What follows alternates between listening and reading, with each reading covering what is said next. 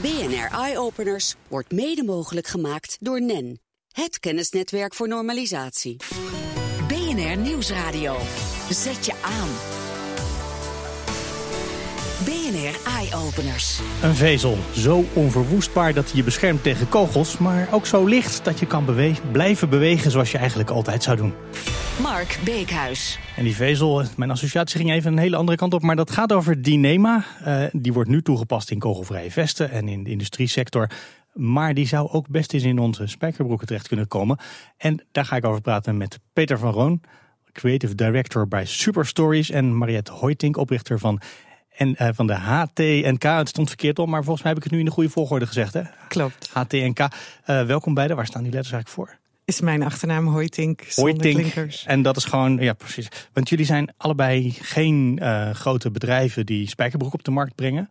Um, misschien beter als ik bij jou begin. Hoe, hoe is jouw betrokkenheid bij dit project? Uh, wij zijn een uh, communicatiebureau dat uh, wat wij noemen integrated storytelling levert aan klanten. Integrated storytelling over een vezel in dit geval? In dit geval een vezel waar we, een, waar we van dat kleine draadje films, magazines, beurstands, et cetera voor maken. Loopt het goed af? Het gaat geweldig, ja, ja? eigenlijk. Ja, de, de... Want het voelt nog niet als een verhaal, hè? Een, een vezeltje waar je, nou ja, kogelvrije vesten, dat is wel een opening. Maar er moet wel ergens een keertje, er zit wat weerstand in nog voordat het goed afloopt. Ja? Nee, vertel.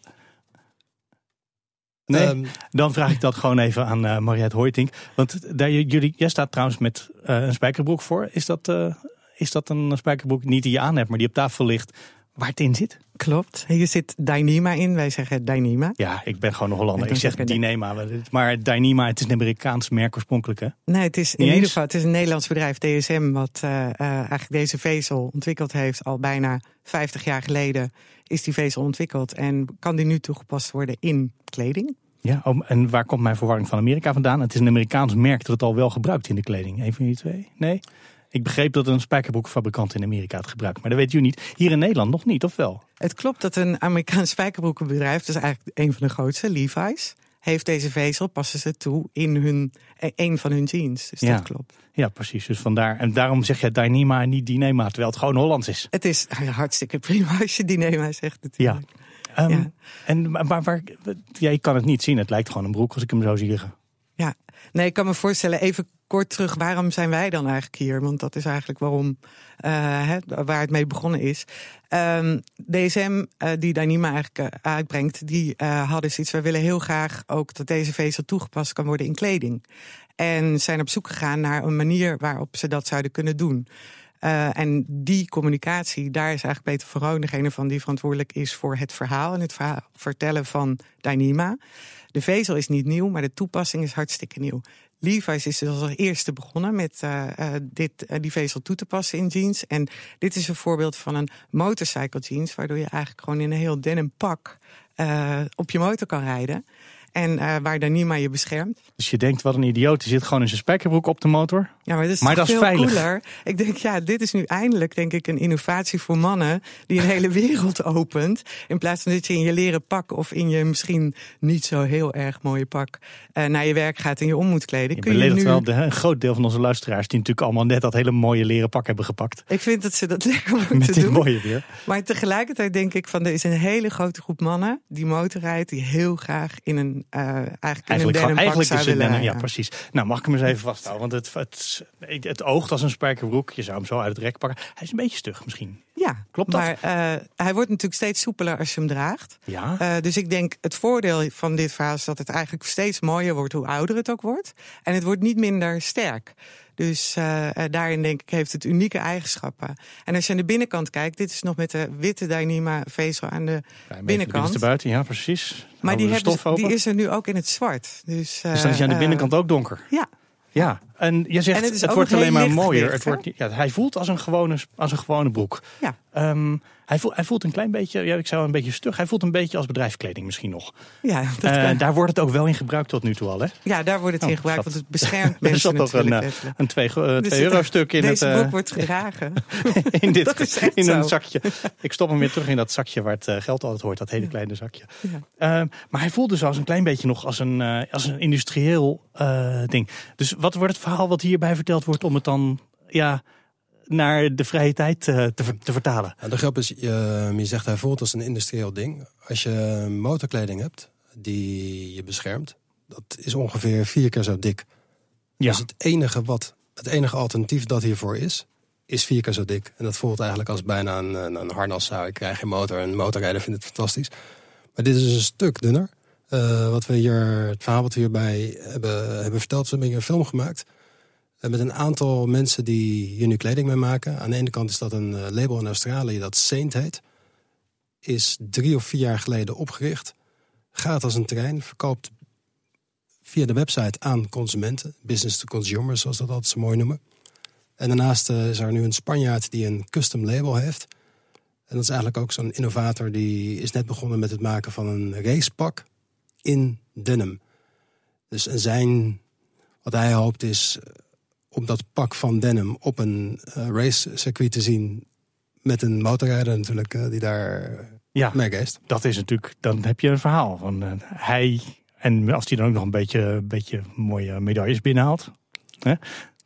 Dan, ja, dan, dan, maar tot die, tot die tijd, want het, het loopt het tot nu, je zegt het loopt heel erg goed, zei je er net. Loopt het echt heel goed? Wordt het al veel is, ja, het, is het überhaupt verkrijgbaar in Nederland? Drie, drie jaar, het is, in Nederland is het volgens mij online verkrijgbaar uh, via de Levi's website. Drie jaar geleden heeft Levi's de eerste Dyneema denimbroek uitgebracht en die verkocht binnen no time uit.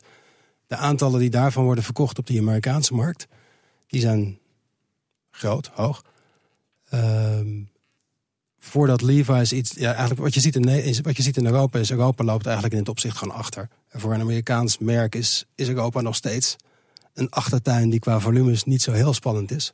Ja, want jij bent natuurlijk ook, je hebt trouwens ook een blues aan. Jij bent van de markt wat dat betreft. Nou, ik ben aan, de, aan ja. de ene kant heb ik HTNK. Ik heb een mode recruitment en consultiebedrijf. Dus vandaar dat ook die link gemaakt werd richting uh, de modesector. En daarnaast ben ik de co-founder van House of Denim. En dat is een ja. stichting die die denimwereld schoner, beter en duurzamer wil maken. Dus dit past ja, dit binnen is dat ongelooflijk verhaal. duurzaam als het nooit meer kapot gaat. Ja, ik denk als wij nou toegaan naar kleding die veel minder snel stuk gaat, dan is het in ieder geval een stuk duurzamer. Maar hoe past dat in een mode?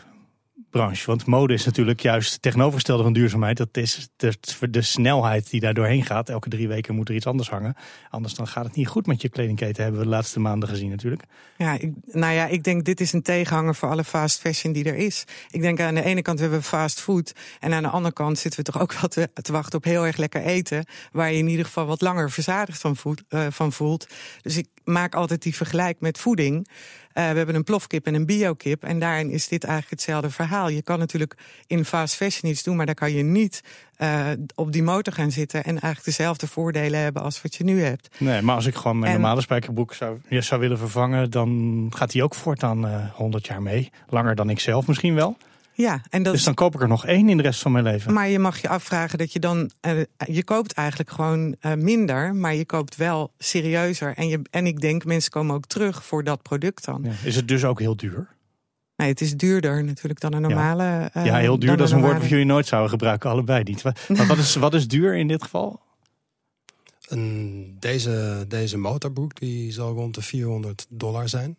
En dat is voor een motorbroek helemaal niet gek. Dat maar voor een spijkerbroek wel idioot duur natuurlijk. Maar een Levi's met Dyneema erin kost 70 dollar.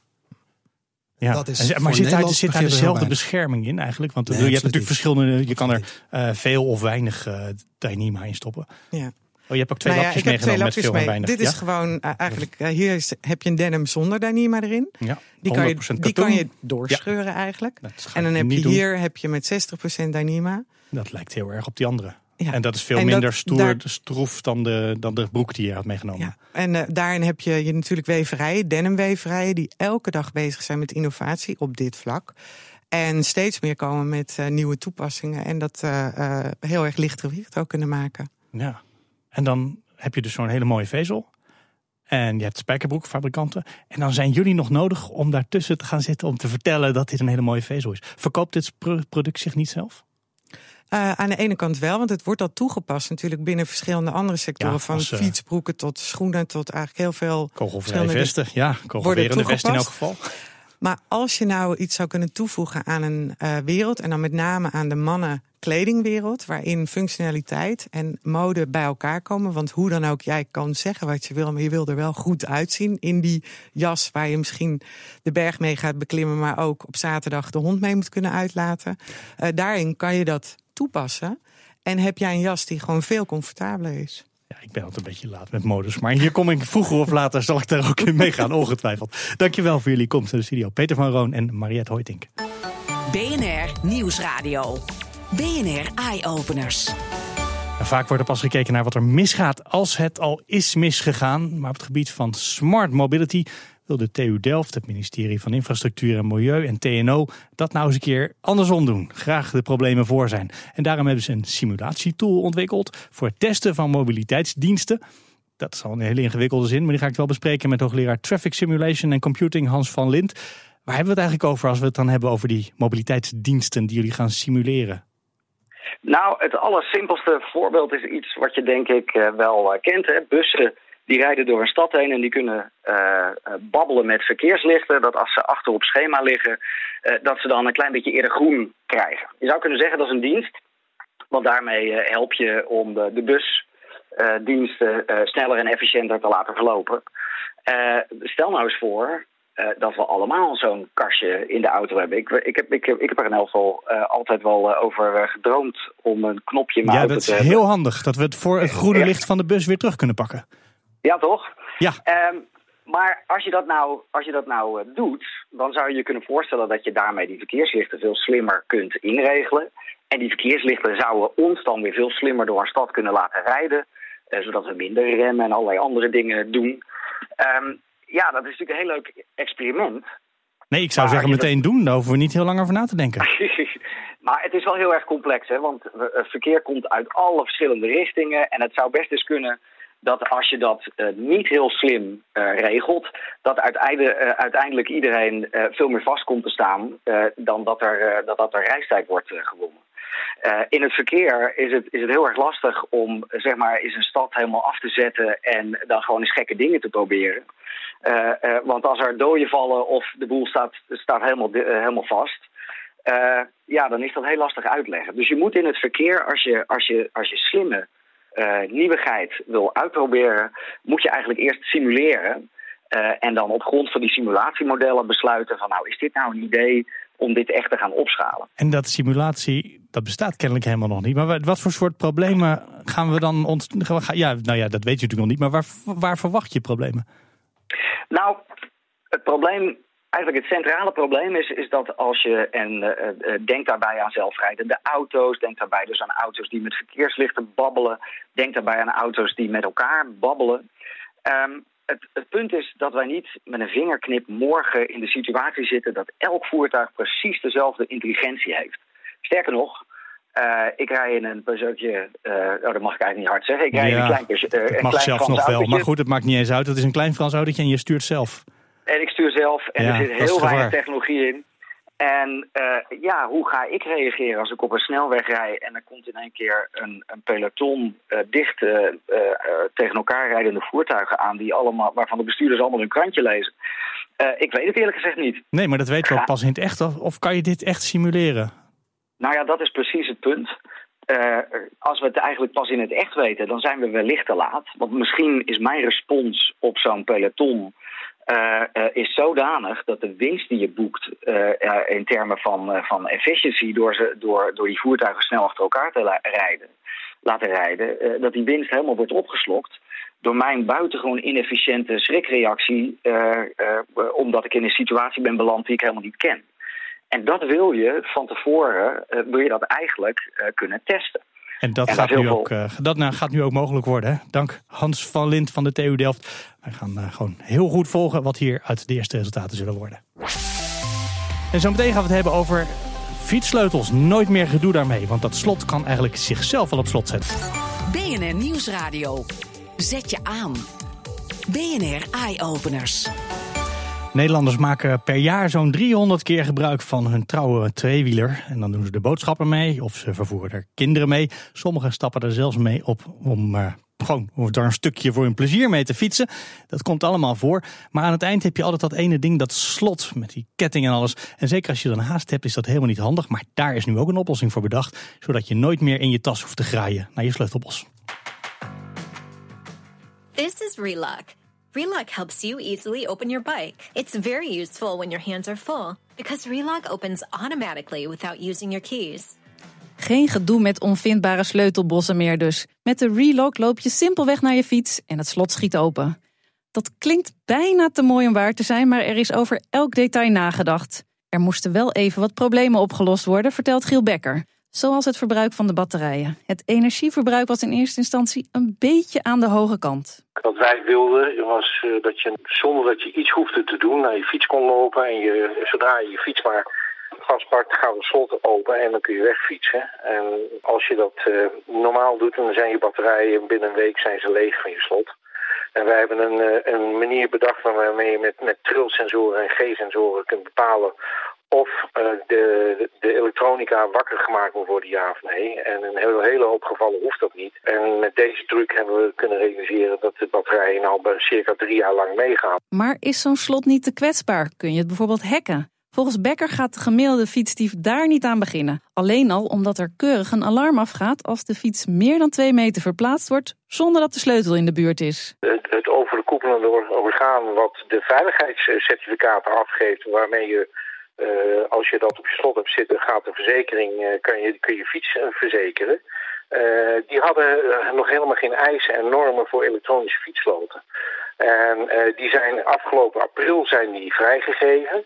En een van de eisen daarvan is dat het een, een, een continu verwisselbare code moet zijn om kopiëren of kraken te voorkomen. Ik zeg niet dat het onmogelijk te kraken is. Want alles is te kraken in deze hele wereld. Maar het, moet, het is heel erg moeilijk. De Relock heeft ook nog een aantal andere specs die vooral voor de wat vergeetachtige mens erg prettig zijn. Zo kun je bijvoorbeeld op afstand zien of je hem wel op slot hebt staan. Mocht je de piepjes niet hebben gehoord die het slot geeft als je het vergeet.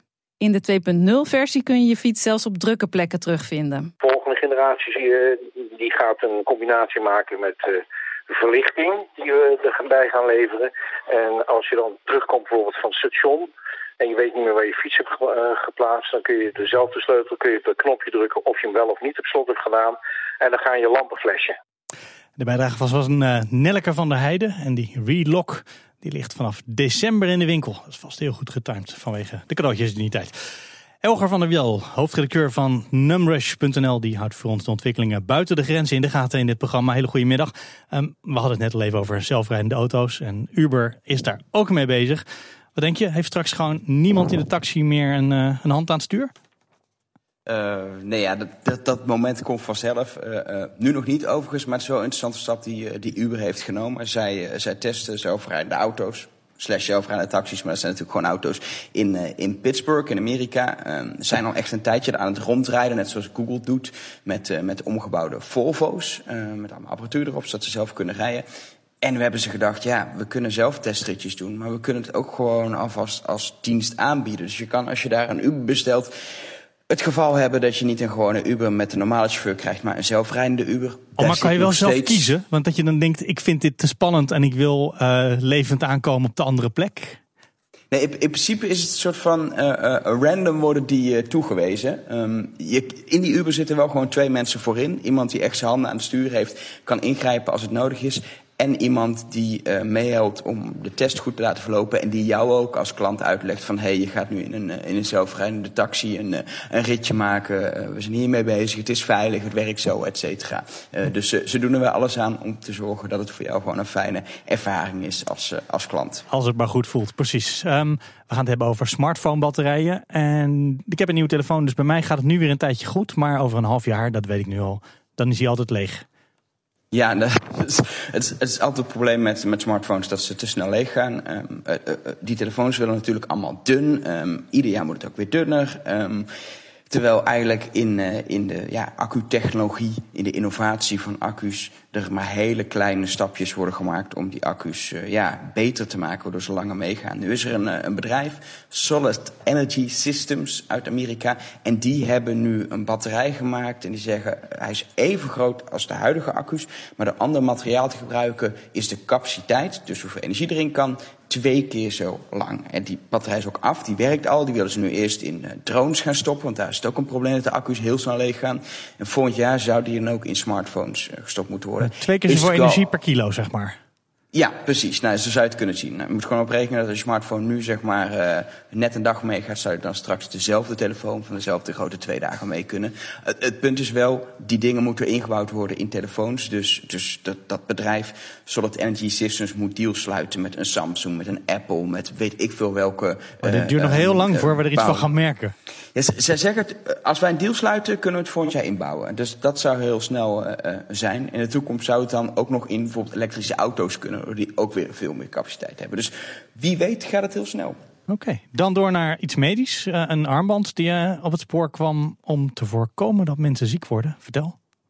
Nou ja, een heel groot probleem uh, in onze huidige westerse maatschappij is, uh, is, is diabetes. En bijzonder diabetes type 2. zeker bij oudere mensen zijn er echt veel mensen die dat, die dat ontwikkelen. En in het Verenigd Koninkrijk bijvoorbeeld, waar ze nu een onderzoek aan doen zijn, is, is een derde van de mensen in een soort risicogebied. Daar is een kans dat zij diabetes type 2 ontwikkelen. Nou, dat kun je voorkomen door te goed kijken naar hun leefstijl. Genoeg bewegen, let op je eten, et cetera. En um, nu willen onderzoekers van het King's Health Partners, een onderzoeksinstituut, die willen gaan onderzoeken of ze met, met wearables, met een armband, het gedrag van die ouderen in kaart kunnen brengen. En vervolgens feedback kunnen geven op hun activiteit, op hun eetgedrag, et cetera. Om te voorkomen dat ze diabetes type 2 ontwikkelen. Dus dan zou je het echt ja, door gewoon eigenlijk coaching dankzij zo'n wearable kunnen voorkomen dat die mensen maar ziek worden. Waarom zou je dat niet gewoon in je telefoon stoppen? Of in je zo, zo, de armtelefoon? Of zo'n schermpje kun je tegenwoordig aan je telefoon hangt. Dat is ook een smartwatch. Een smartwatch, dat is het woord wat ik zocht. Ja. Waarom zou je dat niet gewoon in je smartwatch stoppen? Nou ja, het kan natuurlijk ook, weet je, dit is gewoon, ze gebruiken nu een, een, een armband die al, uh, die al bestaat, uh, waar sensoren in zitten. Maar in principe zou je dat ook met een smartwatch kunnen doen. Uh, dat maakt niet veel uit. het is vooral nu, ze pakken gewoon die armband en willen onderzoeken of het überhaupt werkt om die, om die data te gebruiken en die mensen te gaan coachen. En daarna kun je verder kijken naar andere toepassingen of, uh, of waar je die technologie precies in kan bouwen. Ja, we gaan het over nog iets hebben wat je aan kan trekken. Is het ook een wearable? Over bas basketballers heb ik het dan. Uh, waar hebben we het over? Ja, dat is, is wel grappig. Je ziet in sport steeds meer dat, dat hele specifieke uh, uh, wearables worden ontwikkeld om met sensoren ja, bewegingen te trekken. Um, en, en ja, eigenlijk coaching heel nauwkeurig te maken. Is nu ook ontwikkeld voor basketbal. Uh, een groot belangrijk onderdeel van basketbal is dat je raak schiet. Uh, met een beetje geluk uh, zo'n 50 keer in een wedstrijd. Um, alleen ja, hoe, hoe train je jezelf op de perfecte basketbalworp? Dat, dat is lastig. Um, nu, hebben, nu is een soort mouw ontwikkeld die je eigenlijk gewoon om je arm aantrekt. En overal op je arm zitten sensoren die heel specifiek meten hoe hou je je bovenarm, hoe beweeg je je hand, hoe beweeg je je onderarm. Het wordt allemaal nauwkeurig gemeten en, en, en via een bijbehorende app krijgt een, een basketbalspeler eigenlijk real-time feedback. Draai je arm iets zo als je, als je loslaat. Uh, Duwt hij terug, die arm? Een beetje zo. Je zegt, je arm nee, is een beetje te wijd, een beetje terugduwen. Nou ja, hij, hij, hij duwt niet zelf terug het apparaat. Uh, dat moet je als speler nog steeds zelf doen. Maar de wearable geeft je wel direct in audio bijvoorbeeld die feedback. En achteraf kun je ook heel gedetailleerd in een afbeelding zien... hey, je draait die arm zo. Okay. En als je maar vaak genoeg het anders doet, omdat het ding zegt dat het anders moet. Dan is het dat je dat in de wedstrijd op een gegeven moment ook anders gaat doen. En dat je ja, een betere shot of eigenlijk uiteindelijk ja, de perfecte worp kan maken. Dankjewel, Elger van der Wel, hoofdredacteur van numrush.nl. Op bnr.nl slash eyeopeners vind je nog veel meer innovaties met impact. En op Twitter vind je ons op BNR Eyeopeners. Heb je zelf iets leuks gezien of bedacht misschien wel? Stuur dan snel een mailtje aan eyeopeners.bnr.nl. Dat was hem voor nu. Zie je in de toekomst. BNR Eye Openers wordt mede mogelijk gemaakt door NEN, het kennisnetwerk voor normalisatie.